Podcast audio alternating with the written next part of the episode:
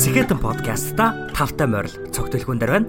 Агуу их зоригтой, зоригдоо хүрх, зоригтой, алдаршгүй зүг чигтэй, зүгэлсэндээ өргөх сэтгэлтэй Сэхэтэн танд зориулж байна. Тэр өдрөө 7 хоног бүтээдэг 7 хоногод сараг тэгээ жилиг тэгээ эцэстээ намайг бүтээдэг учраас амьдралыг бүр ахиж эхлүүлэх боломжийг олгож байгаа байхгүй юу? Бүр энийг бүр ашигла. Яаж игээл өөртөө цаг гаргах хэрэгтэй. Шин санааг, шин шийдлийг, шин гарцыг арай өөр санааг хөшүүл. Өчигдрийн түүхээр өнөөдрийн татай холбогдож маргаашийн таныг хамтдаа бүтээцгээе.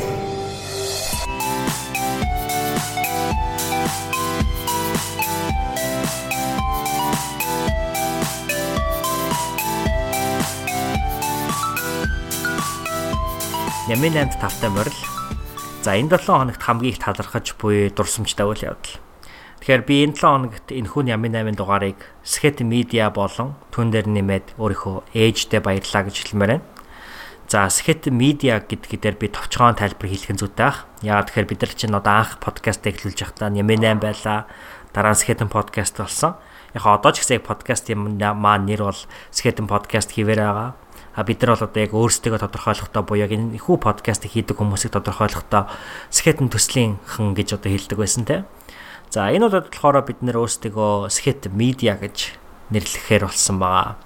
За энэ нэрлэхээр болсон байгаа бид нэр өөрсдөө гэдэг энэ үгнүүдийн цаана хуучин бол одоо манай төслийнхэн скетэн подкастын хамт олон гэж хэлэхдээ бол 50 бит хоёроос гадна мэдээж хэрэг одоо миний иргэн тойрны хүмүүс болон 51-ийн маань иргэн тойрны хүмүүс бит хоёрын одоо иргэн тойрны хүмүүс энэ хүмүүсийг хилдэг байлаа. За үүн дээр нэмээд сонсогч таныг бас хилдэг байлаа. За одоо харин бид нэр скетэн медиа гэж хэлж байгаа шалтгаан нь бид нэр өөрсдийнхөө хийж байгаа энэхүү подкастыг болон ер нь цаашдаа хийхийг төлөвлөж байгаа, хүсэж байгаа, мөрөөдөж байгаа тэдгээр ажлуудаа үнэхээр ханцуу шумлаад хийхин төлөө нэг баг хамт олныг байгуулж яг албан ёсоор нэг баг шиг ажиллаж эхэлж байгаа. Тэгээд тийм учраас би бол энэ хүү Skate Media-гийн хамт олон тэгээд мөн дээрэс нэмээд ээжтэй баярлаа гэж хэлж байгаа маа. Тэгэхээр Skate Media-гийн баг хамт олон маань одоо 50 натаа маань нийлээд надтай нийлээд бид нар одоогийн байдлаар долуулаагаа. Тэгээд тун удахгүй бид нар би яг одоо энд хин хин гэдгийг хэлэхгүй. Гэтэ та бүхэн аяанда хин бэ? Энэ долоо хин бэ гэдгийг бол та бүхэн аяанда бас мэдэх бах. Ийм төлөвлөгөөтэй бас бид нар байгаа шүү. За ягаад ээжигээ нэмээд энэ дэр би бас хэлээд байгаа гэхээр мэдээж хэрэг ээж маань гэж талархах хэвээр 7 хоног болгон байтгаа өдөр болгон минут болгон талархах хэвээр. А гэхдээ зүгээр яг энэ дашрамд яг энэ нөхцөл байдал бас ягаад ээжтэй хэлж байна гэхээр яг энэ баг хамт олныг бүрдүүлээд яг нэг хамт баг олон болж ажиллаад цаашдаа ерөнхийдөө бол өөрсдийнхөө ажлыг ажил шиг ажил болтол нь хийхэд яг энэ хүү одоо процессд нь ээж маань маш их хэмжээний тусламж үзүүлсэн байгаа. Тэгэхээр бол юун дээр би баярлаа гэж хэлмээр байгаа маа. За тэгэхээр одоогийн байдлаар бол Skate Media гэдэг багт долуулаа юм байна. Ээж маань энэ долоод орлоорог байгаа. Тэгэхээр энэ долоогоос хоёр нь бол мэдэгдэж байна. Нэг нь би байна, нөгөөх нь мэдээж хэрэг манай хамтран хөтлөгч 50 байна. За энэ ташрамд би бас яг энэ 7 хүнээс нэг хүнд сонгоод баярлаа гэж хэлэх зүйтэй байх. Ягаад тэгэхээр яг одоо энэ хүү подкастыг хийгээд сууж байгаа шалтгаануудын маань нэг яхааргүй 50 байсан. Ер нь хамгийн гол шалтгаан нь бас 50 байсан баг. За яагаад гэхээр саяхан подкастын маань 3 жил болоод өнгөрсөн. Тийм учраас энэ хүү подкастыг 3 жилийнхаа хугацаанд 3 жилээ тэмдэглэсэн подкастыг хийхийг бол би нэлээд удаан хүсэж байлаа. Энэ өнгөрсөн хугацаанд яаж Skeleton подкастыг анхлуулж байсан? Яаж 50 2 үүнийг хамтдаа босгож Skeleton гэдэг брендийг бий болгосон. За мөн энэ цаг үеэс эхлээд хуучнаас бид юугаа хадгалж үлдээх үү? Мөн юуг нь өөрчлөх үү? Мөн цаашдаа ямар ямар шин санаа оноо гаргаж ирэх үү гэдгийг бид нэр өнгөрсөн хугацаанд бодсаар байлаа. За тийм ч болохоор бид скетинг нэгэн баг хамт олон болгож бол өргөтгөж байгаамаа. За за тэгээд энэ баг хамт олонд бол багтаагүй зөндөө бол найзууд маань одоо байгаа тийм ээ Гэтэ цаашдаа багтахгүй энэ бол ингээ хаалттай тоо гэдэг ерөөс утгаараа биш. Гэтэ зөвхөн энэ даашин хэлэхэд бол энэ подкастыг энэ өдний хүртэл 3 жил хийгээ явсан шалтгаан нь түрүүний хэлээдсэн шиг байсанчлан бидний эргэн тойронд хүн болгонд бид нэр баярлж явдаг юм шүү. За тайрнадаа би эргээд яа баярлж явдаг юм ба гэж хэлэх гээд байна гэхээр яг энэ подкастыг хийхийг яг одоо энэ дугаарыг бичгийг би нэлээд удаан бодсон. Ягаад тэгэхээр 3 жилийн өмнө буюу 2017 оны 11 дугаар сарын 19-ны өдөр би яг Нямын 8 гэдэг нэртэй подкастыг хамгийн анхны дугаараа бичиж байсан.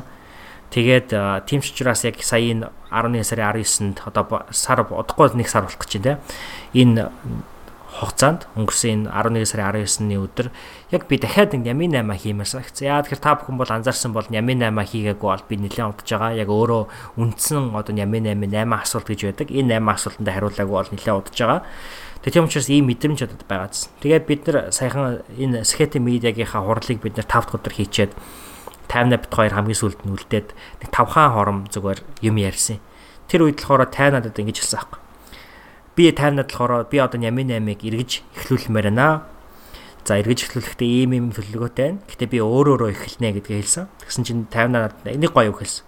Ямин 8 хийлдэ эн чинь чиний имиж өнгө төрх өвөрмөц байдал чинь шүү дээ гэж хэлсэн юм. Тэгээ тийм ч учраас а түрүүний хэлээдээсэнчлэн одоо бид нэр өнгөрсөн рүү өнгөрснөөс юуг авч үлдэх үү, юуг өөрчлөх үү гэдэг дээр Ямин наймаа би бол авч үлдэх гэж бодоод энэ дугаарыг хийж байгаа ба. Тийм учраас энэ мэдрэмжийг илүү баттгаж өгсөн мөн энэ хүн Ямин 8 гэдэг подкаст энэ контент надад болон одоо миний амьдралд ямар их нөлөө үзүүлсэн болон бусад хүмүүсийн амьдралд ямар их нөлөө үзүүлдэг гэдгийг маань баталж өгсөн, баттгаж өгсөн таймнуудаа баярлаа гэж хэлмээр байна. Яагаад тэгэхээр хаяатын амьдралд зүгээр л угаасаа бид нэр юу хийх нь зөв гэдгийг мэдж байгаа боловч юу нь зөв байсан яагаад бид ямар нэгэн зүйлийг анх эхлүүлсэн гэдгээ бид нар мэдж байгаа боловч гинт нэг мэдхэд л бид нар аль хэдийн аа яагаад чим тэр бүхнээ мартсан байдаг. Зүгээр л бид нар анх ямар нэг юм яагаад ихтүүлсэн. Анх ямар нэг юм бид нар яагаад хэрэгжүүлж эхэлсэн. Тэгээ энийг бид нар мартсан байдаг. Тэр үед ямар нэг юм сануулга айгүй чухал байдаг. Тийм учраас би таймнуудаа баярлаа гэж хэлж байгаа юм шүү. Онцлог контент. За, Нями 8 маань хамгийн дуртай асуултуудын нэг болохоор энэ байсан. Миний хувьд байдаг. Цочлоосоо би ямар контент энэ 7 хоногт айгүй гой санагдсан байг юм. Тэгэхээр бол мэдээч хэрэг би өнгөрсөн хугацаанд Ями 8 та бүхэнтэйгээ нэлээд удаа хийгээгүй учраас бол надад хуваалцах зөндөө олон төрлийн контент байгаа. А гэхдээ зөвхөн яг энэ 7 хоног сонссон подкастуудынхаа нэг дугаараас би яг нэг ишлэл а надад их нөлөө үзүүлсэнийг би та бүхэнтэйгээ хуваалцахыг хүсэж байна.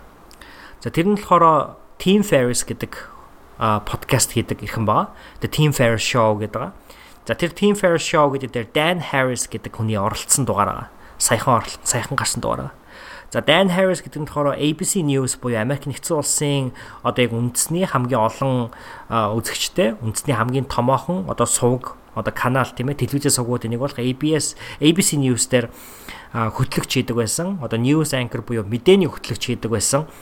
Dan Harris гэж залуу яг ABC News дээр мэдээлэл мэдээгээ хөтлөөд явж байхдаа panic attack буюу хит сандрах өөрөөр хэлбэл сандрах дайралтанд өртөж байсан. Тэгээд энэ бичлэгийг та нар харж исэн ч гэж магадгүй. Гэхдээ подкастн дээр яг Dan Harris, Tim Ferriss гэж хэлсэн хэрэг. Одоо та нар YouTube руу ороод Panic Attack on Live TV гэд хайх юм бол Dan Harris-ийн бичлэг хамгийн түрүүнд гарч ирэндэ гэд өөрийгөө хэлж байсан. Тэгээ би яг тэр подкастыг сонсчоо, тэр подкастыг би сонсож байгаа үед яг gym-дээс аахгүй. Тэгээ яг подкаст сонсчоод тэрийг хэрэгсийн сонсчоод гар утсаа гаргаж яд YouTube руу ороод Panic Attack on Live TV гэдгсэн шууд яг Dan Harris-ийн бичлэг үнэхээр гарч ирсэн. Тэгээ би яг тэр Dan Harris гэдэг залуугийн тэр яг ABC News дээр ингээд мэдээгээ хөтлөж байгаа. Яг ингээд одоо мэдээгээ уншиж байгаа байхгүй. Тэгсэн чинь гинт ингээд амьсгал нь ингээд маш ингээ өөр болоод эхэлдэг. За одоо би ингээд жоохон зүүрлэх юм бол нэг иймэрхүү болоод эхэлж байгаа байхгүй. Одоо ингээ амьсгал нь амар ингээ ингээд тэ ингээ айгуу давчтаад ингээ айгуу өөр болоод эхэлсэн. Тэгээд энийг бол Dan Harris маш одоо тийм миний бодлоор үнэхээр гайхамшигтай төвшин тэр panic attack буюу хэд сандрах, сандрах дайралтад өртөх тэр зүйлийг бол үнэхээр сайн давж гарсан санагдсан. Тэгээд энэ дугаарыг, энэ контентыг би яагаад онцлмоор байна гэхээр яг энэ дугаар бол тэр чигтээ тэр хүний өөрийнхөө panic буюу тэр одоо хит сандралт, за өөрийн тэр anxiety буюу санаа зовох тийм ээ тэр өвчнөд яаж тэмцсэн тухайгаа ярьсан байсан юм аа. Тэгээд энийг ингээ ярьж байгаа дахиад бас нэг энэ ишлэл надад хамгийн тод үлдсэн байхгүй. Ишлэл гэж түүх юм уу да. Dannerst өөрийнх нь мэдээний хамтран хөтлөгч нэг нь нэг хамтран хөтлөгч нь Dan чи нэг энэ номыг сонирхоод үзээч. А яагаад тэгэхээр энэ ном дээр эгоны тухай ярьдаг, чамд энэ нь одоо чамд үнэхээр хэрэгтэй дээ гэж нөгөө хамтран ажилладаг хүн хэлсэн чинь дайн өөрөө болон өөрийнхөө багийнхны хамт тэрийг сонсоод маш их инээсэн гэсэн. Яагаад үг гэхээр өөрөө хэлбэл тэр эмхтэй дайн чи эгоны асуудалтай учраас энэ номыг уншвал чамд хэрэгтэй юм биш үү гэж бодсон гэд. Тэгэхээр бол бид нар нөгөө нэг эго гэдгийг бид нар юу гэж ойлгож байгаа вэ гэхээр ерөнхийдөө бол одоо нийтээр бол ингэж ойлгож байгаа шүү дээ. Эготой хүн гэхээр бол одоо бусдаас илүү байхыг хүсдэг те одоо юу гэдэг чи ер нь одоо эго томтой хүн гэдэг нэг тиймэрхүү сөрөг талаас нь ойлгодог шүү дээ бид нар. Тэгээ яг тэр үедээ ч гэсэн Dan Harris ер нь л өөрөө тийм эготой хүн байсан гэдгээ өөрөө хүлээн зөвшөөрж исэн тэрэн дээр. А гэхдээ Dan Harris-ыг тэр хүү номыг Eckhart Tolle гэдэг хүний би гэхдээ нэрийг буруу хэлжиж магадгүй шүү. Eckhart Tolle гэдэг хүний The Power of Now буюу одоогийн хүч гэдэг номыг бол уншсан байна. Тэгээ Dan Harris болохоор өөрөө wartime сэтгүүлч буюу дэлхийн одоо дайны сэтгүүлч юу. Тэгэхээр бол дайны авирс бол одоо дайнд оролцоо тэр халуун цэг дээрээс мэдээг сурвалжилж исэн тийм ерөнхийдөө бол айгүй тийм өөрөөр хэлбэл их тийм логик сэтгэлгээтэй хатуу гүжүүд хүн баггүй. Тийм учраас бол альва тийм юунд итгэдэггүй байсан гин л дээ. Одоо тухайн үедээ бол тухайн үедээ бол тийм ер нь бол анханасаа тийм одоо янз бүрийн одоо чинь Power of Now гэдэг энэ номыг та бүхэн сонсохоор бол одоо тийм spiritual буюу сүнслэг, өөртөө туслах, self development тийм номнууд юм шиг санагдаж байгаа. Тэгэхээр энэ ертөнцийг бол бид нар бүгдөө сайн мэдж байгаа тийм. Тэгэхээр бол Dan Harris бол өөрөө тэр ертөнцөөс хол байсан. Тэгээ Аяанда болохоор энэ panic attack-ийнхаа дараа яг энэ ертөнцийг илүү судалж яг энэ ертөнцийн нэвтрүүлгүүд бэлтгэдэг болсон юм байлаа. Тэгээ яг энэ үедээ ч гэсэндээ тэр нэвтрүүлгүүдийг хийж байгаа ч гэсэндээ дэлхийн хамгийн том том шашны тэргүүнүүдтэй уулзаад ярилцлага хийж байгаа ч гэсэндээ яг тийм даалт хүч, тийм ертөнцийн хүч юу байдгийг те тийм зүйлнийг хийтгэдэггүй байсан. Тэгээ яагаад ч юм энэ номыг сонгоод уншчихлээ тэр ажлынхаа хүний санал болгосон. Тэгээд тэр номон дээр нэг гол санаа байдаг гэдэг. Тэгээ нөгөө нэг эго гэдэг нь тэр номны зохиолчийн өнцгөөс юу гэж тайлбарсан бэ гэхээр эго гэдэг бол зөвхөн өнгөрсөн болон ирээдүйд амьдардаг таны дотоод дуу хоолой Тэгэхээр эготой хүн гэдэг бол өөрийнхөө дотоод дуу хоолойтойгоо байнга ярьж идэг хүн гэж тэр энэ номон дээр The Power of Now буюу одоогийн хүч гэдэг энэ номон дээр энэ санааг өгсөн ба. Тэнгүүд энэ үг надад бол үнэхээр үнэн санагдсан. Аа гэтээ энэ үнэн санагдсан гэдгийг бол би магадгүй өөр асуултууд дээр тайлбарлах бах. Гэтэ зүгээр яг энэ хүргээд орохыг эго гэдэг бол өнгөрсөн болон ирээдүйд амьдардаг. Тийм учраас яг одоо мөчид бол байх ёсгүй зүйл гэж байгаа байхгүй. Аа тэгээ эготой хүн гэдэг бол тэр өнгөрсөндөө амьдэрдэг, ирээдүйд амьдэрдэг тэр дуу хоолойтойгоо байнгын ярьж идэг, тэрийг сонсч идэг, тэрэндээ итгэж идэг, тэрүүгээрээ залуурдагдж байдаг хүнийг хэлнэ гэдэг ийм санааг энэ ном илэрхийлсэн байлээ. За энэ 7 хоногт миний үйлдэлсэн хамгийн сэтгэлийн таашаал кайф авсан зүйл. Энэ бол 3 дахь асуулт байна. За энэ дээр би гадаа алхах гэж би та бүхэндээ хэлмээр байна. Яа тэгэхээр энэ зуршил бол зөвхөн энэ 7 хоногийн минь биш. Ер нь өнгөрсөн аа одоо энэ оны 3 дугаар сараас хойших хамгийн чухал зуршил маань эс. За яагаад гэдэг та бүхэн бол бүдрөө сайн мэдж байгаа. Одоо бол Монгол улсад бол хөл хорой тогтооцсон байгаа. Үүнтэй адилхан Америк нэгдсэн улсад хөл хорой бол бүр 3 сараас хойш ерөнхийдөө бол тогтоогдсон. За энэ хөл хорой бол нэг зуны үйлрэлүүд буюу уран дулааны үйлрэлд бол арай сударсан. За тэгээ харамсалтай нь одоо яг хүүтний улирал эргээд ирэх үед бол Америк эргээд дахиад маш одоо хүнд цохилтонд л орж байгаа. За миний хувьд л Америк нэгдсэн улс байгаа энэ хүний хувьд бол аа ерөнхийдөө бол хамгийн их сэтгэлийн таашаал, кайф авж байгаа зүйл маань үнэхээр өдрөө тутамдаа бол гэрээсээ гарч гадаа гарах л байна. Эсвэл гадаа алхах байна. За Тэгээ яагаад энэ надад чухал вэ гэхээр энэ хүү цар тахлын улмаас дэлхийн олон хоод улс хөл хорой тогтоогоод ард иргэд гэрээсээ гарах боломжгүй одоо гарахгүй байхыг бол анхааруулж байгаа тийм. Тэгэд яг энэ цаг үед хүмүүсийн нөгөө cabin fever гэж одоо англи хэлний хэлдэг. За би энийг онлайнаас хайгаад үзсэн чинь монгол хэлэнд хязгаарлагдмал орчноос айх айдас гэдэг ийм ингэж орчуулгатай юм байлаа. За энэ болохоор сэтгэл судлаачдын одоо ерөнхийдөө бол нэг барьж авсан одоо судалсан ерөөхдөө бол байдаг батлагдсан ийм шинж тэмдэг сэтгэл зүйн одоо нэг шинж тэмдэг хүн гэртээ ингээд байнга байгаад хахаар одоо ийм ийм шинж тэмдэг илэрдэг ахын л те амарч чадахгүй тайван байж чадахгүй байдаг те амархан уцаарладаг эсвэл амар ганцаарддаг. Ер нь бол одоо та бүхэн маань карантин ихтэйд гэртээ байж байгаа хугацаанд бол янз бүрийн мэдрэмжүүд таны дотор ингээд гинт гинт гарч ирсэн байж болно. Тэгэхээр энэ нь cabin fever буюу хязгаарлагдмал орчноос айх айдсан илрэл бол байж магадгүй. Тэгэхээр хүн болгон бол энэ cabin fever-д өртөх бол магадaltaй. Тийм учраас а хүн болгонд бол энэ би хамааралтай зүйл гэж би бодож байгаа. За тийм болохоор өдөр болгон гадаа гарах гад үзээрэй. Болж игэл алхах гад үзээрэй. Гадаа гараад дасгал хийж олно. Хэрвээ алхаж боломжгүй байгаа бол тий. За гадаа гараад дасгал гэхээр заавал биеийн дасгал байх албагүй юм амьсгалын дасгал байж болно. Гадаа гараад зүгээр нэг сайхан гүнзгий амьсгаа аваа гаргах. Аль эсвэл нэг 4 секунд амьсгаагаа аваад 4 секунд түгчээд 4 секунд амаараа амьсгаа гаргадаг ч юм уу те нэг иймэрхүү амьсгалын дасгалууд бас хийж болно. За өдөр урчиж уртсаж шүн бишээ өдөр багасж шүн уртсаж байгаа энэ цаг үед угаасаа гадаа гарч бас нарны гэрэлт байх нь Д витамины дутагдлаас мөн хамгаалдаг байгаа тийм Тийм учраас бол таны одоо дархлаанд хамгийн ихээр дархлаагаа дэмжих хэсэг цаг үед бол энэ бол маш чухал зүйл байгаа. За миний хувьд бол өдөр бүр доор хаяж 3 удаа бол гадагшаага гардаг. Өглөө өдөр бас орой унтахаас өмнө. За гэхдээ бас би бол сайндаа биш гэдгээр нохоогоо гарах гаргаж одоо бийц суулгах гэж бол гардг юм аа. За одоо сонноос бол миний одоо амьдарч байгаа энэ хүү Миннеаполис хотод энэ жил цар тахлаас болоод гэрийн тижээмэр амтны худалдаа өрчлөлт 400 хувиар нэмэгдсэн.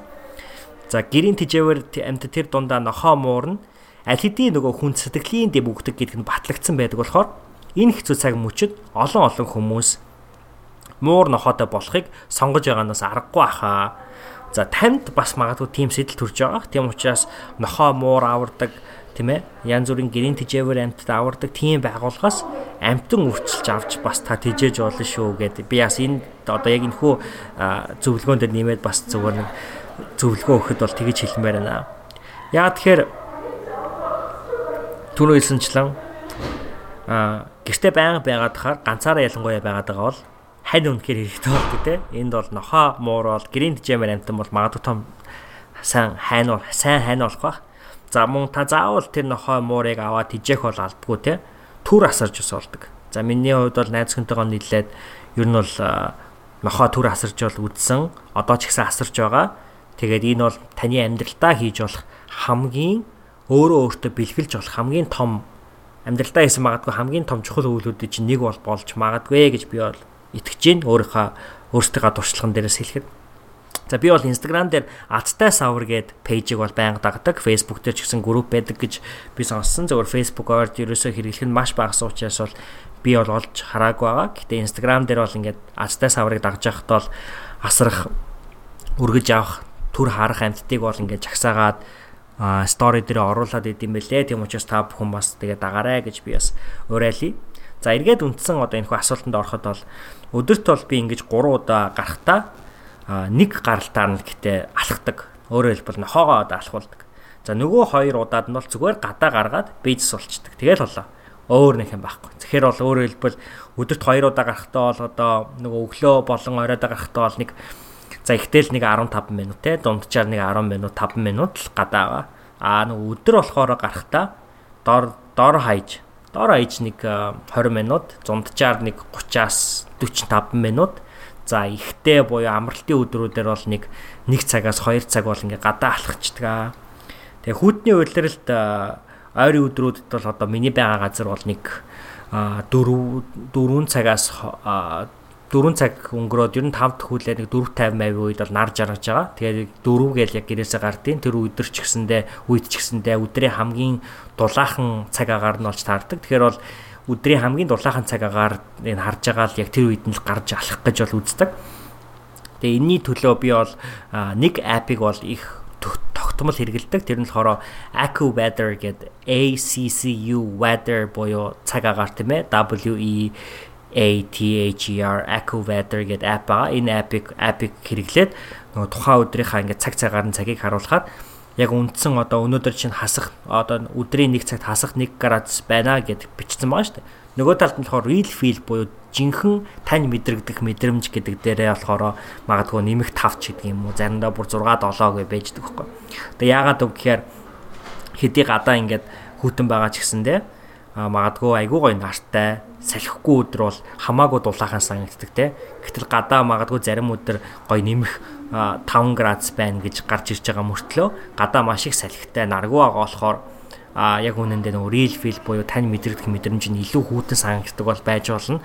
Тийм учраас бол тэр апыг хэрэглээд а яг тэр real feel буюу танд одоо яг аль өдрийн яг аль цаг хамгийн дулаахан санагдах бай гэдгийг нь харж байгаад би бол гадаа гарч их алхах туртай. За гэтээ мэдээч хэрэг ерөнхийдөө бол 4 цагийн үед л гарч ихэнхдээ алхахдаг дөө. Тэгээ угаасаа яг 4 цагийн үед л ойрт хамгийн дулаахан болж таарад байгаа. Тийм учраас бол та бүхэн бас гадаа гарч алхаарэ гэж уриалъя. Дөрөвдүгээр асуулт болохоор онцлог дадал зуршил dig рутин гэдэг.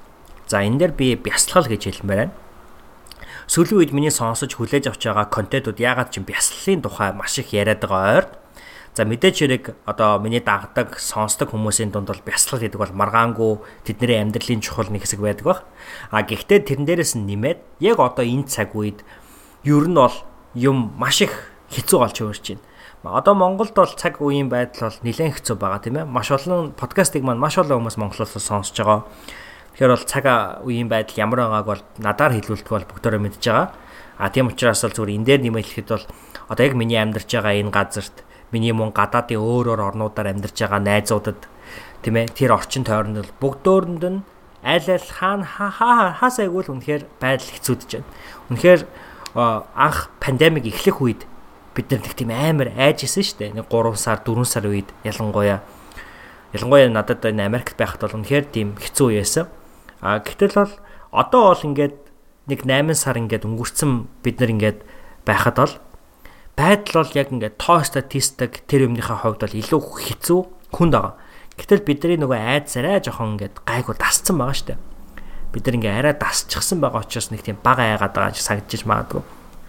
Гэхдээ байдал бол яг үнэндээ үнэхээр хэцүү байгаа.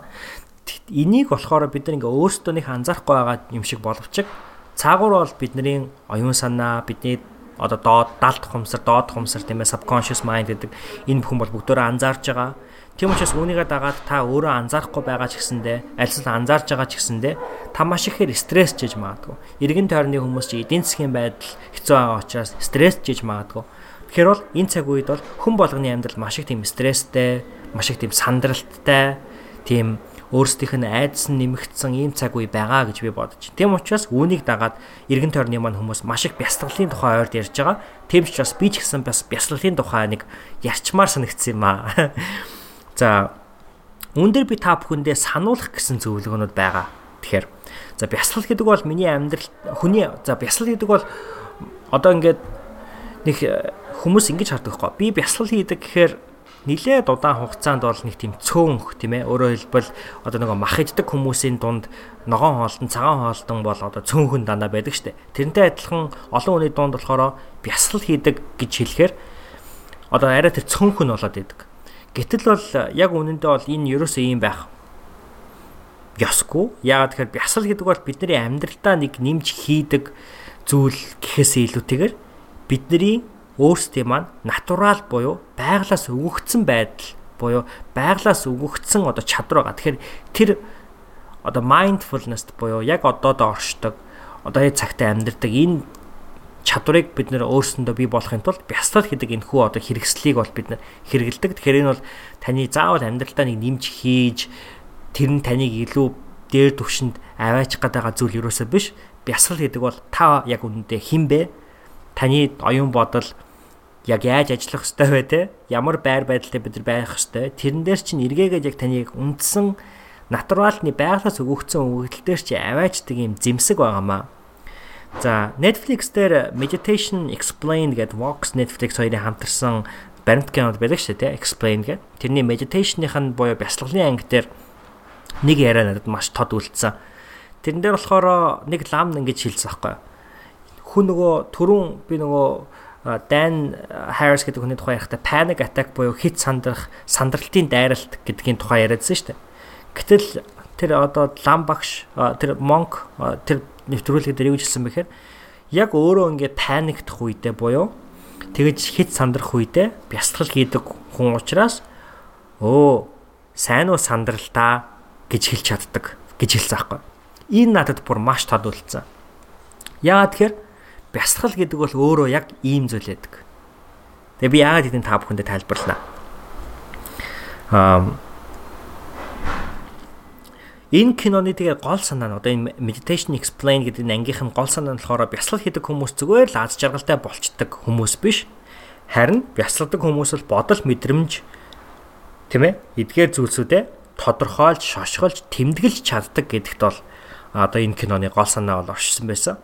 Өөрөөр хэлбэл бясалгаж сурснаа та амьдралд бүх зүйлд хариу өгөх буюу реакт хийхээсээ хийх биш харин ухамсартайгаар амьдралдаа нүүр тулж дараагийн алхам нь юу байх вэ гэж бодож одоо ямар нэгэн болсон үйл явдалд зөвхөн сөргөөр зөвхөн эргээр тийм ээ тухайн нөхцөл байдлаас хамаарч хариу үйлдэл үзүүлэх биш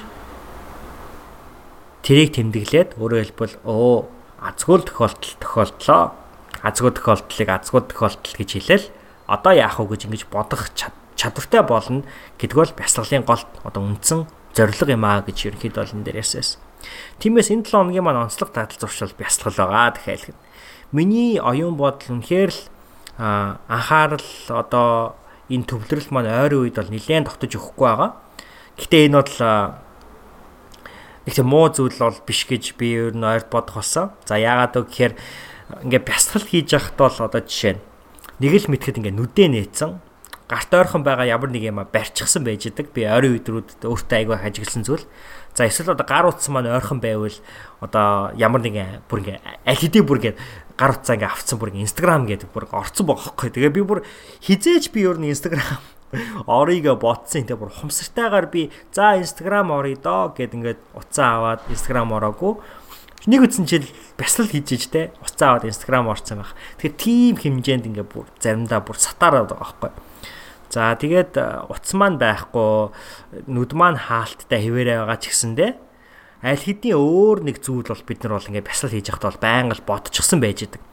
За ингээд сонсохоор одоо би одоо маш муу бясалгаж байгаа юм шиг сонсогдож байгаа.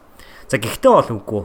Учир нь би бясалгаж явахдаа өө би сатаарч гсэн байна штэ гээл эргээд бясалгалтаа орж байгаа. Өөрөөр хэлбэл бүхэл бүтэн 5 минут бясалгалаа гэж бодъё те 5 минут бясалгал хий гэж бодъё. За энэ үед магадгүй та а энэ 5 минутын 4 минутын дээр үнэхээр сатарсан заяа. Бүр үнэхээр сатарсан. 5 5 минут бясалгал суучаад 3 минутанд нь янз бүрийн бодож бодож ирсэн аа. 1 минутанд нь утсаа оролдож моролцсноо. Гинт өө би чи бясалгал хийж байгаа шүү. Тэгээд утсаа оролтоохоо болоод нүдэн ханаад амьсгал дээрээ төвлөрсөн байлаа гэж тэ 1 минут. Энэ бол өөрөө сайн бясалгал болж чадсан гэсэн. За одоо ингээд бид нар ингээд нүдэн анаал ингээл байжсэн чинь ийм чинь бодлоод бас төрж болно штэ. За штэ карантин дуусгаар нэг сайхан пив ногоо ундаа. Найзуудтайгаа гаш нэг сайхан цэнгэнэ хаашаа орох уу гэл ингээл бодвол те. Тэгэл яг ий бодож байгаа л гинт бодол дээрээсээ өө бодол гэж хэлээл амьсгал дээрээ эргээ төвлөрөх. За ингээл байжлаа гэж. За эсвэл ингээд таны байгаа өрөө гинтэг амар халуун санагдаа те. Йоо ямар амар халуун байна гэдэг ч юм уу. Айгүй халууцаад эхлэхвэл энэ бол мэдрэмж. За тэгээд ингээл байжсэн чинь гинт нэг айгүй гой дурсамж бодогдоол та гинт инээждэг ч юм уу эсвэл жоохон гонигддаг ч юм уу те. Ямар нэгэн байдлаар гинт сэтгэл мэдрэмж авах юм бол та гинт тэрийг анзаараад өө сэтгэл хөдлөл гэж ингээл тэмдэглээд дотор таны тэмдэглэн гэдэг нь таны дотор одоо нэг юм үзэг харандаа байна те. Тэрэн дээр та цагийнхаа бодлыг ингээ яг бодож явах хугацаанд бол таны тэр бодол бол ингээ тэр ханд дэвтэр дээр бол ингээ бичигдэж идэг бүх бодлууд чинь заяа. Тэгэнгүүт ингээ бодож ирсэнаа ингээ тэр ингээ бичиж ирсэнаа та гинт зогссон зогсноо Оо би сая зүгээр сэтгэл хөдлөл мэдэрчлээ гэдэг ингээ тэмдэглээд авчиж байгаа. Тэгэл эргээд бясалгалдаа ороод тэр цаасан дээр юм бичихгүй нэг хэдэн секунд за нэг минут ч юм уу эсвэл хэдэн минут тийм ээ ингээд төвлөрөөд тэр дэвтэр дээр юм бичихгүй байж чадчихвэл та бясалгалаа сайн хийж чадчихна гэсэн. Тэгэхээр бол тэр хоосон зай тэр дэвтэрийн тэмдэглэлийн дэвтэр дээр бичиж байгаа хоосон зай нь маш жижигхэн байсан ч гэсэн та маш бясалгал үнэхээр хийж байгаа утга учир гол үр дүнг нь бол гаргаж ийна гэж ойлгох хэрэгтэй шүү. За учир нь яагаад вэ гэхээр бясал гэдэг бол миний түрүүн хэлсэнчлэн таны байглаас байх ёстой байдал За тийм учраас оюун ухаанаа ажиж сурах одоо энэ үйл явцыг бид нар self awareness гэж хэлээд байдаг буюу өөрийгөө мэдэх, таних гэдэг. За тийм болохоор бясалгал хийнэ гэдэг бол дасгал хийх гэсэн үг. За тэгээ би яагаад энийг 7 хоногийн онцлог зуршил болгож дурдж байна гэхээр сүүлийн хэд хоног надад ажиглагдсан зүйл бол надад сөрөг бодол төрөх үед бүр үнэхээр аимшигын сөрөг бодол очив заяа бүр ингээд аа боломжгүй үнэхээр боломжгүй юмнуудыг боддог штэ хүмүүс заримдаа. Одоо creepy thoughts буюу ингээд бүр аимшигын тийм ээ зүхтаамаар бодлоод ингээд төрөөд байгаа байхгүй яард. Тэгээд би өөрийгөө хажаад өө энэ бол бодол гэдэл шошиглол тэмдэглээл тэр бодлоо ардаа үлдээгээ явж чадж байгаа байхгүй. За энийг бид өөртөө бол том амжилт гэж хувьдаа үзэж байгаа. Яа тэгэхээр бид байглаасаа эволюц буюу удамших хувьслынхаа хүрээнд цаанаасаа стрессдэг, сөрөг юм бодох, сандрах зэрэг одоо мэдрэмжүүдтэй бол байдаг. Яа тэгэхээр учир нь бидний тарих бол аюулаас хамгаалах зорилготой эрхтэн бидэнд тулрах боломжтой аюул осол цөөрж 1200 жилийн 200 мянган жилийн одоо өмнөх өвөг дээдстэйгээ харьцуулахад амьдрах орчин маань тис одоо өөр болсон ч гэсэндэ биднийг бидний тарихыг одоо хүртэл биднийг хамгаалах гал ажиллаад байгаа байхгүй. Тийм болохоор таны оюун бодол тархич нь угаасаа ийм сөрөг бодлоод ийм одоо мэдрэмжүүд бол байнга орж ирнэ. Тийм учраас үүнийгээ бид нэр зүгээр self aware байх буюу өөрийгөө таньж өөрийгөө ойлгож оо яг одоо аюул байхгүй байна. Тийм байж ич би сүргэн бодчихлоо гэж ингэж бодож байгаа. Тэгэхээр зэрэг энэ нөгөө нэг эргээд биний төрөнд дурдсан нөгөө Dan Harris э, дуртаадсан эго гэдэг бол өнгөрсөнд болон ирээдүйд л оршдог гэдэг гэдэг байгаа байхгүй. Тэгэхээр бол та ингээд ирээдүгөөсөө айгаад ирээдүгөөсөө э, эсвэл ирээдүйд болох ямар нэгэн зүйлдэ баярлаад тэрийг л болоод авах юм бол ерөөсөө эгод л хариу өгөөд байна гэсэн үг байна. Тэгэхээр эго буюу тэр дуу хоолой чинь та өөрөө биш байхгүй юу? Тэгээ тэр бол зүгээр дуу хоолой. Таны энэ тархинаас гарч байгаа энэ үг, энэ дуу хоолой, тавтагддаг энэ зүйл бол та биш. Зөвхөн тэр яг таны нэг хэсэг бол мөн гэтээ бид нар боддог шиг бидний л энэ дотоод дуу хоолой би юм байна гэж. Тэгээд ингээ бодоод үзэхээр бидний дотоод дуу хоолой яг үнэндээ 10 тохиолдлын 8-д нь 7-д нь 9-д нь заримдаа бүр 10-д нь яг үнэндээ үнэхээр бидэртээ муухай харьцдаг байхгүй юу? Бидний оюун бодол, бидний дотоод дуу хоолой. Тийм учраас бол ийм муухай харьцдаг дуу хоолойгоор бид нэр өөрсдөө тодорхойлж ивэл болохгүй. Тийм учраас бол тэр оюун бодлоо ажигладаг, тэр ажиглаж байгаа ажиглалт чинь өөрөө бид нэр таны яг үндсэн одоо яг таны одоо бидний энэ натуралны өгөгдсөн өгөгдлөө. Тэгэхээр ажиглаад өө би сүргийн бодчихлоо. Гэтэ энэ одоо юм бодож байгаа энэ бодлол би бишээ гэж ингэж өөртөө сануулж байна гэсэн үг баг.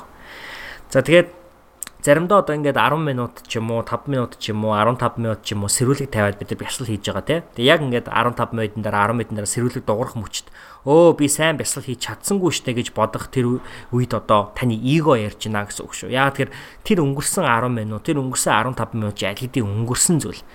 Тэгэх юм учраас тэр өнгөрсөн зүйлдээ та автагдаад тэр мэдрэмж тэр дуу хоолойнд л сонс тэр дуу хоолойнд захирагдаад тэр бясалгалыг та муу бясалгал байсан гэж үзчихвэл үзчихвэл тэр бол буруу. Яагаад тэр түрүү миний хэлсэнчлэн та өнгөрсөн тэр 10 минут 5 минут 15 минут нь нэг удаа ч гэсэндээ амьсгал дээр эргээд ирсэн.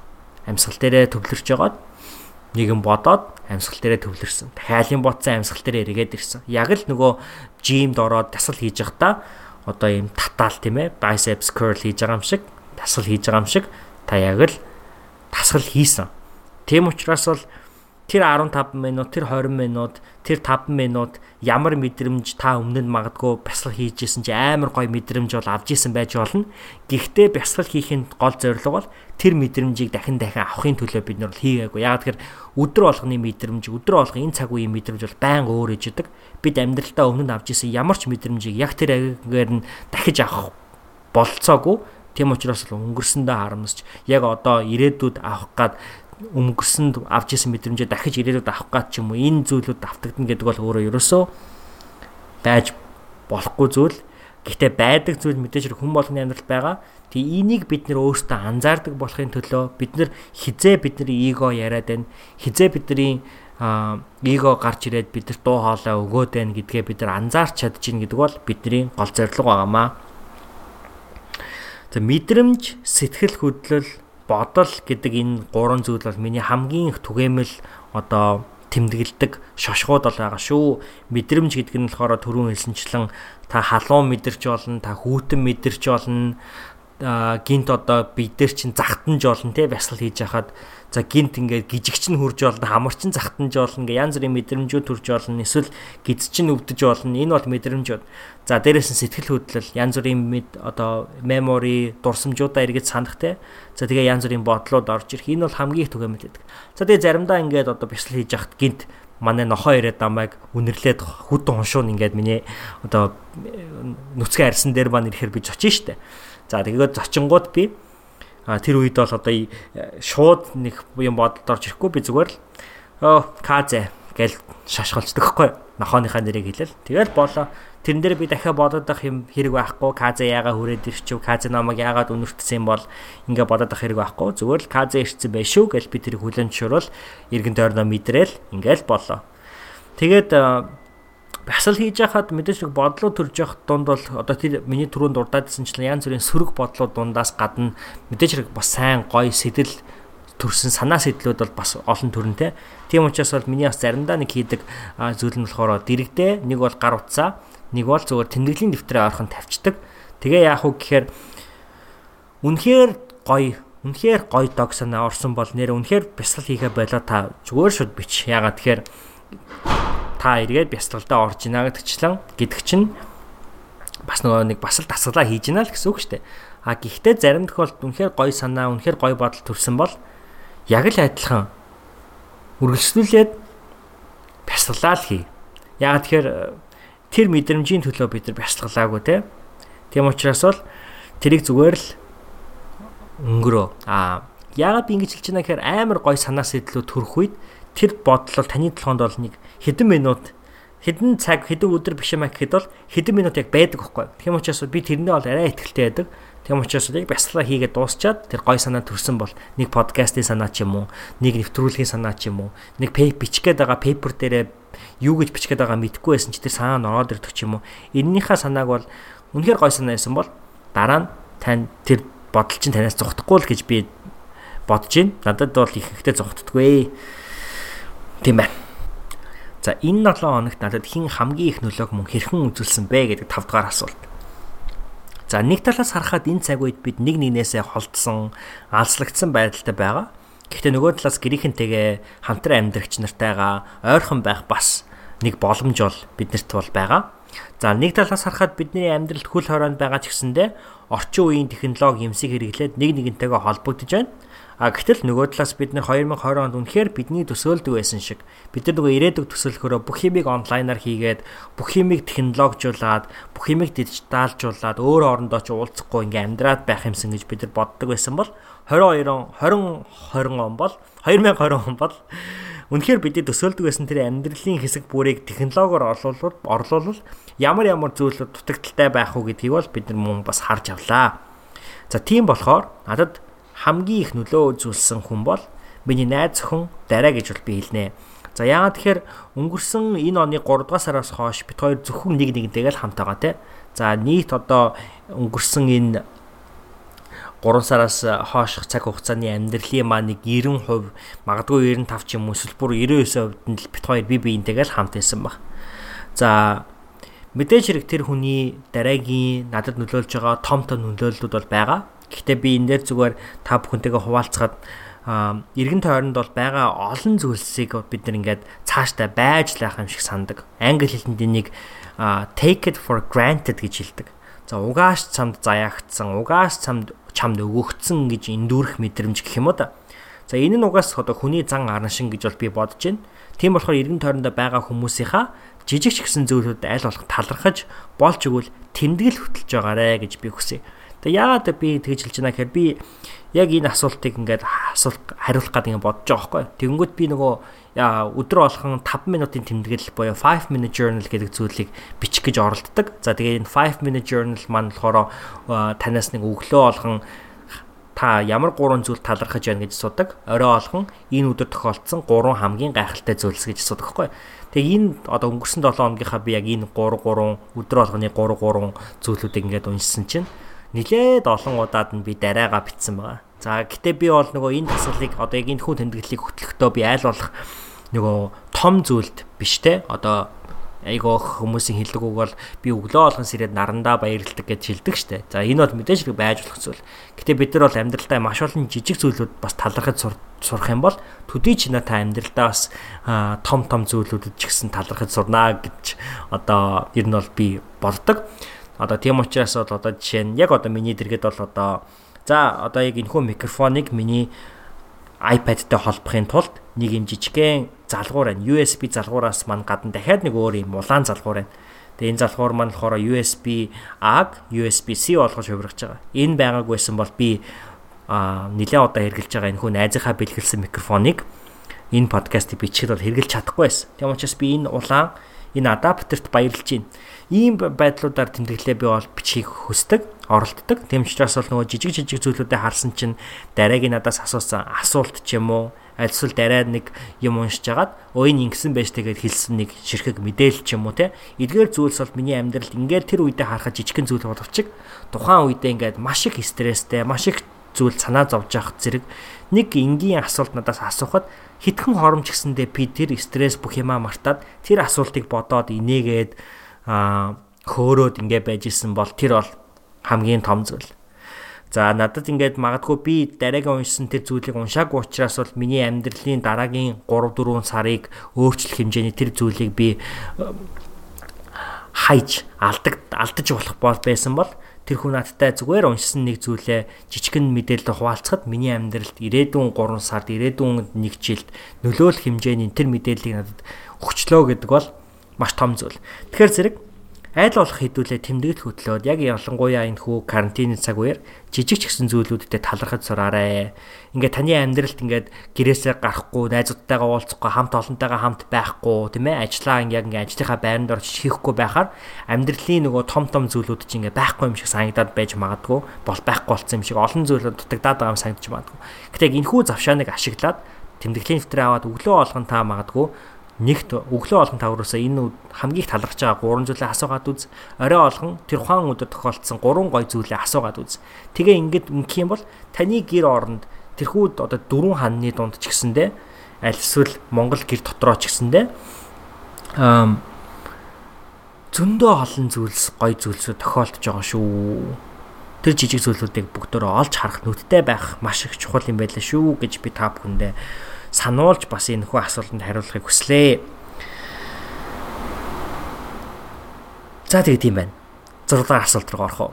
За 6 дугаар асуулт маань болохоор энэ 7 хоног гаргасан амжилт. За би энэ асуултыг хариулах гад тэмдэглэлээ бичиж байхдаа энэ асуулт нэг л биш ээ гэж би бодохгүй юу. Тэг яагаад гэхээр 58-т хоёрын нэг өөр хоорондоо нэг ярьдаг нэг зүйл байд юм а. Амжилт гэдэг бол зарим хүнд бол амжилт гэдэг бол хүн болгоны нөгөө амжилт гэдэг тодорхойлт ч өөр. Тэгэхээр бол таны бодож байгаа амжилт, миний бодож байгаа амжилт гэдэг чинь өөр шүү дээ, тийм. Тэм учраас бол энэ асуултыг би жоохон өөрчлөөд энэ 7 хоногт өөрийгөө тэмдэглэх завшааныг өг гэж одоо асуулт болгож хувиргаж байгаамаа. Тэгэхээр өөрийгөө тэмдэглэх завшаан. За энэ дээр болохоор юу хэлж байна гэхээр бид нар ерөөсөө өөрсдөө тэмдэглэдэггүй гэж би бодож байна. Ер нь хүмүүс ихэнхдээ нэг өөрсдөө тэмдэглэдэггүй. Бид нар найзуудынхаа амжилтыг тэмдэглэдэг. Бид нар хайртай хүмүүсийнхээ амжилтыг тэмдэглэдэг. Бид нар хайртай хүмүүстээ урам зориг, дэм зориг, урам дэм бүхнийг өгдөг. Гэтэл бид нар заримдаа өөрсөндөө тэр бүхнийг өгдөггүй шүү дээ. За энэ дээр би өөрийгөө тэмдэглэхдээ би нэг зүйлийг онцлохыг хүссэн. Тэр нь юу гэхээр би нэг хувь ч гэсэн илүү дээр байх сонголтыг нэг хувь ч гэсэндээ илүү хийхийг оролдож байгаа. Тэгээ энэ нь болохоор ийм жишээнүүд аж болно. Жишээ нь лифтер буух уу, шатар буух уу тэ? За эсвэл одоо нэг гой амттай сахартай чихэр итгүү итгүү юу гэд за ингээ нэгхэн чихэг чихэр одоо хаашиж юм дээ гэд ингээд итгүү гэтэл тэр чинь ингээд нэгхэн гэж бодож байгаа ч гэсэн жижигхэн зүйл юм шиг боловч цаанаас том зүйл За нэг тэгэж бодоогүй бодож амжаагүй байтал та элитийн тэр чихийг чихрийг аваад өмгчлөө. Тэгвэл та яг энэ үед санаад өө За за одоо дахиад нэг чихэр идэх үү? Болох уу? Эсвэл дахиад нэгийг л идчих үү? Эсвэл нилээд олныг идчих үү гэдэг ингээ асуугаад. Тэгээ нэг хувь ч гэсэндээ илүү байх. Яг энэ хүү сэтэл, энэ хүү бодол ойр надад арай илүү жоохон төрөөд байгаа. За За би энэ зарчмыг бол мэдээж хэрэг та бүхэнтэй адил олон газраас бол одоо сонсч ийсэн те. Энийг бол хүн болго ярьдаг. Нэг жоохон л илүү ачих, нэг алхам л илүү алхачих, нэг хов л илүү ачих гэд бид нар ярьдаг штэ. За гэхдээ хамгийн гол нь надад үүнийг маань эргэн тойрны хүмүүс сануулсан болохоор би бол хэрэгжүүлж байгаамаа. Тийм учраас би бас энийг дахиад яг энэ надад хүн сануулад хүм эргэн тойрны маань хүмүүс нөлөөлөөд би энэ нэг хов илүү байх энэ хүү асуултыг өөрөөсөө ойр үед илүү асуугаад байгаа учраас би яг адилхан үүргийг энд гүйцэтгээд танаас бас би асуумаар байна. Та яг одоо амьдралтаа өдрө болгоо нэг нэг хов ч гэсэндээ илүү байхын төлөө зүтгэж байна уу? Та өөрөөсөө нэг асуугаад үзээрэй. За ялангуяа одоо бид нар бол ихэнх цагийг гэртээ өнгөрүүлж байгаа. Тийм учраас бол нөгөө зөв хүний нүд үйлдэл нүднээс далдж зөв байдаг гихчээр энэ цагийг ашиглаад өмнө нь ерөөсөө одоо ажиллаж чаддгүй байсан жижиг сажиг дадал зуршлууд дээр те хүний нүдэнд нэх байнга үзэгдээд байдаггүй. Гэхдээ та өдөр тутамдаа хийдэг тэр жижиг сажиг дадал зуршлууд дээр ажиллах бас боломж юм болов уу гэж хараад тийм жижиг сажиг дадал зуршлууд дээр ажиллаарай гэж хүсмээр байна. Тэгээд та өдөр болгох нэг хүн хувь илүү ахад бол тэр бол нөгөө цаашдаа ер нь хідэн маш том үржигдээд маш том амьдралд одоо өөрчлөлт авчрах байгаа те. Энийг болохоор нөгөө atomic habits гэж нэрлэдэг байгаа шүү дээ. Тийм бэлээ. За 6 дугаар асуулт маань а биш 7 дугаар асуулт маань болохоор ийм асуулт байдаг хуучнаар таны энэ 7 хоногт сурсан сургамж ойлгосон ухаарл байсан бай гэж. За энэ асуултанд би хариулахаа арай жоохон өөр олгоод энэ асуултынхаа арай жоохон өөр олгоод ийм асуулт болгож явуулсан байгаа. Таны амьдралыг харах үнцэгт хувирсан зүйл буюу ямарваа нэгэн асуудлыг харах үнцгтэн тэлсэн эсвэл өөрчлөгдсөн зүйл юу вэ гэдэг асуудал олгож өөрчилсөн байгаа. Тэгээ яад үг гэхээр бид нэр амьдралдаа маш олон зүйлүүдэд өөрсдийн гэсэн үзэл бодолтой байдаг. А гэхдээ амьдралыг амар сонирхолтой болгодог нэг хүчин зүйл нь болохоор таны бодож байгаа тэр perspective буюу амьдралыг харах тэр үнцэг тань яаж өөрчлөгдөж байна тэр чинь яаж дэвсэж байна яаж аа магадгүй бүр 180 градус эргээд шал өөр болж байна гэдэг чинь өөрөө айгүй сонирхолтой байхгүй. Тийм учраас л энэ асуултыг бид нэр өөрсдөөсөө байн асууж чадваас миний бодлоор бид нэр бол илүү нээлттэй сэтгэлгээтэй байж чадах юм болов уу гэж би бодох болсон. За тэгээд өөрөөр хэлбэл энэ асуултанд асуух хариулахдаа таас ингэж хариулах гад үзээрэй. Би өмнө нь ингэж боддог байлаа. Тэр ойлголт маань гэтэл буруу байжээ. Тэгээ би одоо ингэж боддог боллоо. Эсвэл би өмнө нь ингэж боддог байлаа. Тэр ойлголт маань зөв байж гэтээ энэ удаад ингэж тэллээ гэдэг байдлаар одоо хариулах гад үзээрэй. За миний одоо жишээ нь энэ 7 хоногт өөрчлөгдсөн за өөрчлөгдсөн гэсэлүүдээр тэлсэн нэг ойлголт маань Энэхүү одоо миний энэ дугаар дээр нэлээд онцолж яриад байгаа нөгөө anxiety, panic буюу сандрах, айх гэдэг энэ зүйл бол бидний дунд маш түгээмэл байдаг зүйл юм байна.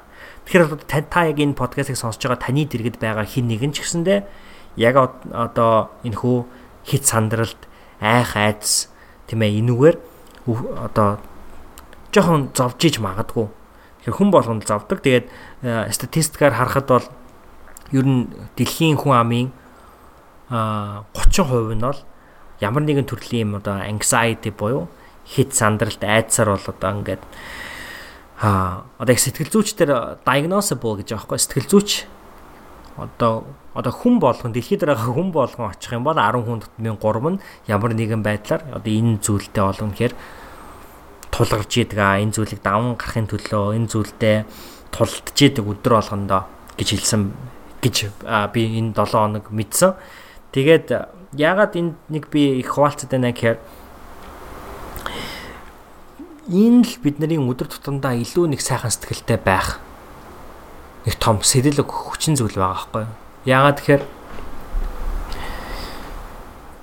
таны дэргэд байгаа хүн магадгүй та өөрөө ч гэсэндээ ямар нэгэн байдлаар хит сандарч хит айж нэг сөрөг бодол нь бодохгүй байхыг хүсэж байгаа ч гэсэндээ эргэн эргэн ирээд эргэн тойронд байгаа бүх зүйлүүд тэр сөрөг ямигийн сануулад байгаа юм шиг санагдал. Аль эсвэл таны бодож байгаа бодол чинь маш аимшигтай. Та бүр ингээд би ямар амар юм бодоод байна. Би өөрийгөө ч юм уу эргэн тойрныхоо хин нэг нэг өвдөх үедээ гэж ингэж айдаг ч юм уу. Ийм бодлуудаар миний эргэн тойрон, таны эргэн тойрон маш олон хүмүүс бол бүгдөө маш олон хүмүүс ингээд зовж байгаа, шаналж байгаа. Тийм учраас ийм учраас бид нэр би биендээ арай жоохон сайхан сэтгэлтэй, арай зөө жоохон уян зөөлөн хандах ёстой гэдгийг бол сануулж байгаа гэж би бодголсон. За энэ хүрээд Skeleton podcast-ийн маань Ями 8-ийн дугаарыг 8 дахь хэсэг буюу хамгийн сүүлчийн маань хэсэг бол эхэлж байна. За энэ хүү сүүлчийн хэсгийг бид нэр хоосон орон зай гэж нэрлэдэг. Яагаад бид нар хоосон орон зай гэж нэрлэдэг вэ гэхээр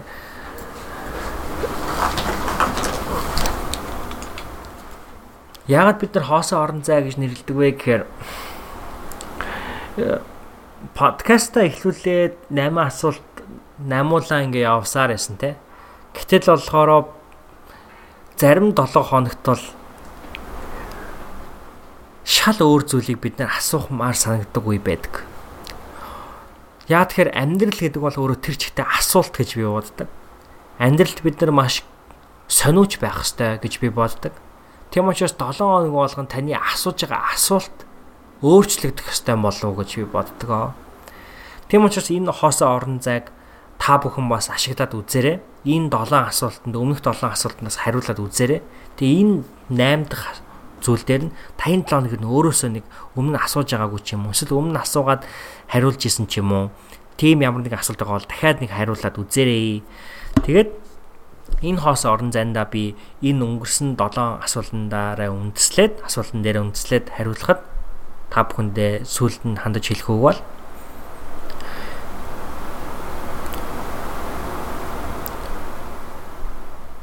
одоо яг энэ бүхэн бол бүгдөө л таны амьдрал тохиолж байгаа бүх зүйл бол яг одоо тохиолдож байгаа. Тэгэл нэг мэтгэд тохиолдохоо болоод энэ бүхэн бол урсаад өнгөрнө. Цагийн уруу өнгөрнө энэ бүх зүйл. Тийм учраас тэнхэд аваарай. Би бие бодорой маск зүгээрээ айлуулах гадаа битгий гараарай а гадаа гараад 1.5 м 2 м-ийн зайтай яваарэ гэж л та бүхэндээ одоо захимаар байна. Тэгээд хамгийн гол нь энэ цаг үед бол маш олон хүмүүс хит сандрах, айх, түгших энэ бүх зүйлээр бол шаналж байгаа. Тийм учраас өөртөө сайхан сэтгэл гаргаарай. Бусад хүмүүс сайхан сэтгэл гаргаарай. Би биедээ хантай, дэмтэй байгаарай. За тэгээ хамгийн гол нь өөрийнхөө оюун бодлыг 100% та өөрөө гэж битгий бодоорой. Сөрөг зүйл бодож байгаа бол тэр бол зүгээр бодол. Сөрөг мэдрэмж авж байгаа бол тэр бол зүгээр сөрөг мэдрэмж. Таныг тодорхойлох, таны амьдралыг тогтоох, таны хувь заяг шийдэх тийм бодлууд, тийм мэдрэмжүүд, тийм сэтгэл хөдлөлүүд биш шүү. Тийм учраас зүгээр түүнийг ажиглаад урагшаага алхаарай. Амьдрал руу инээмсэглээрэй. Энэ цаг мөчтөө тайван амгалан байгаарай та энэ бүх сонголтыг хийх боломжтой шүү гэж энэ сүүлшийнхаа мөчөд та бүхэндээ захиа. Баярлаа. Баяртай.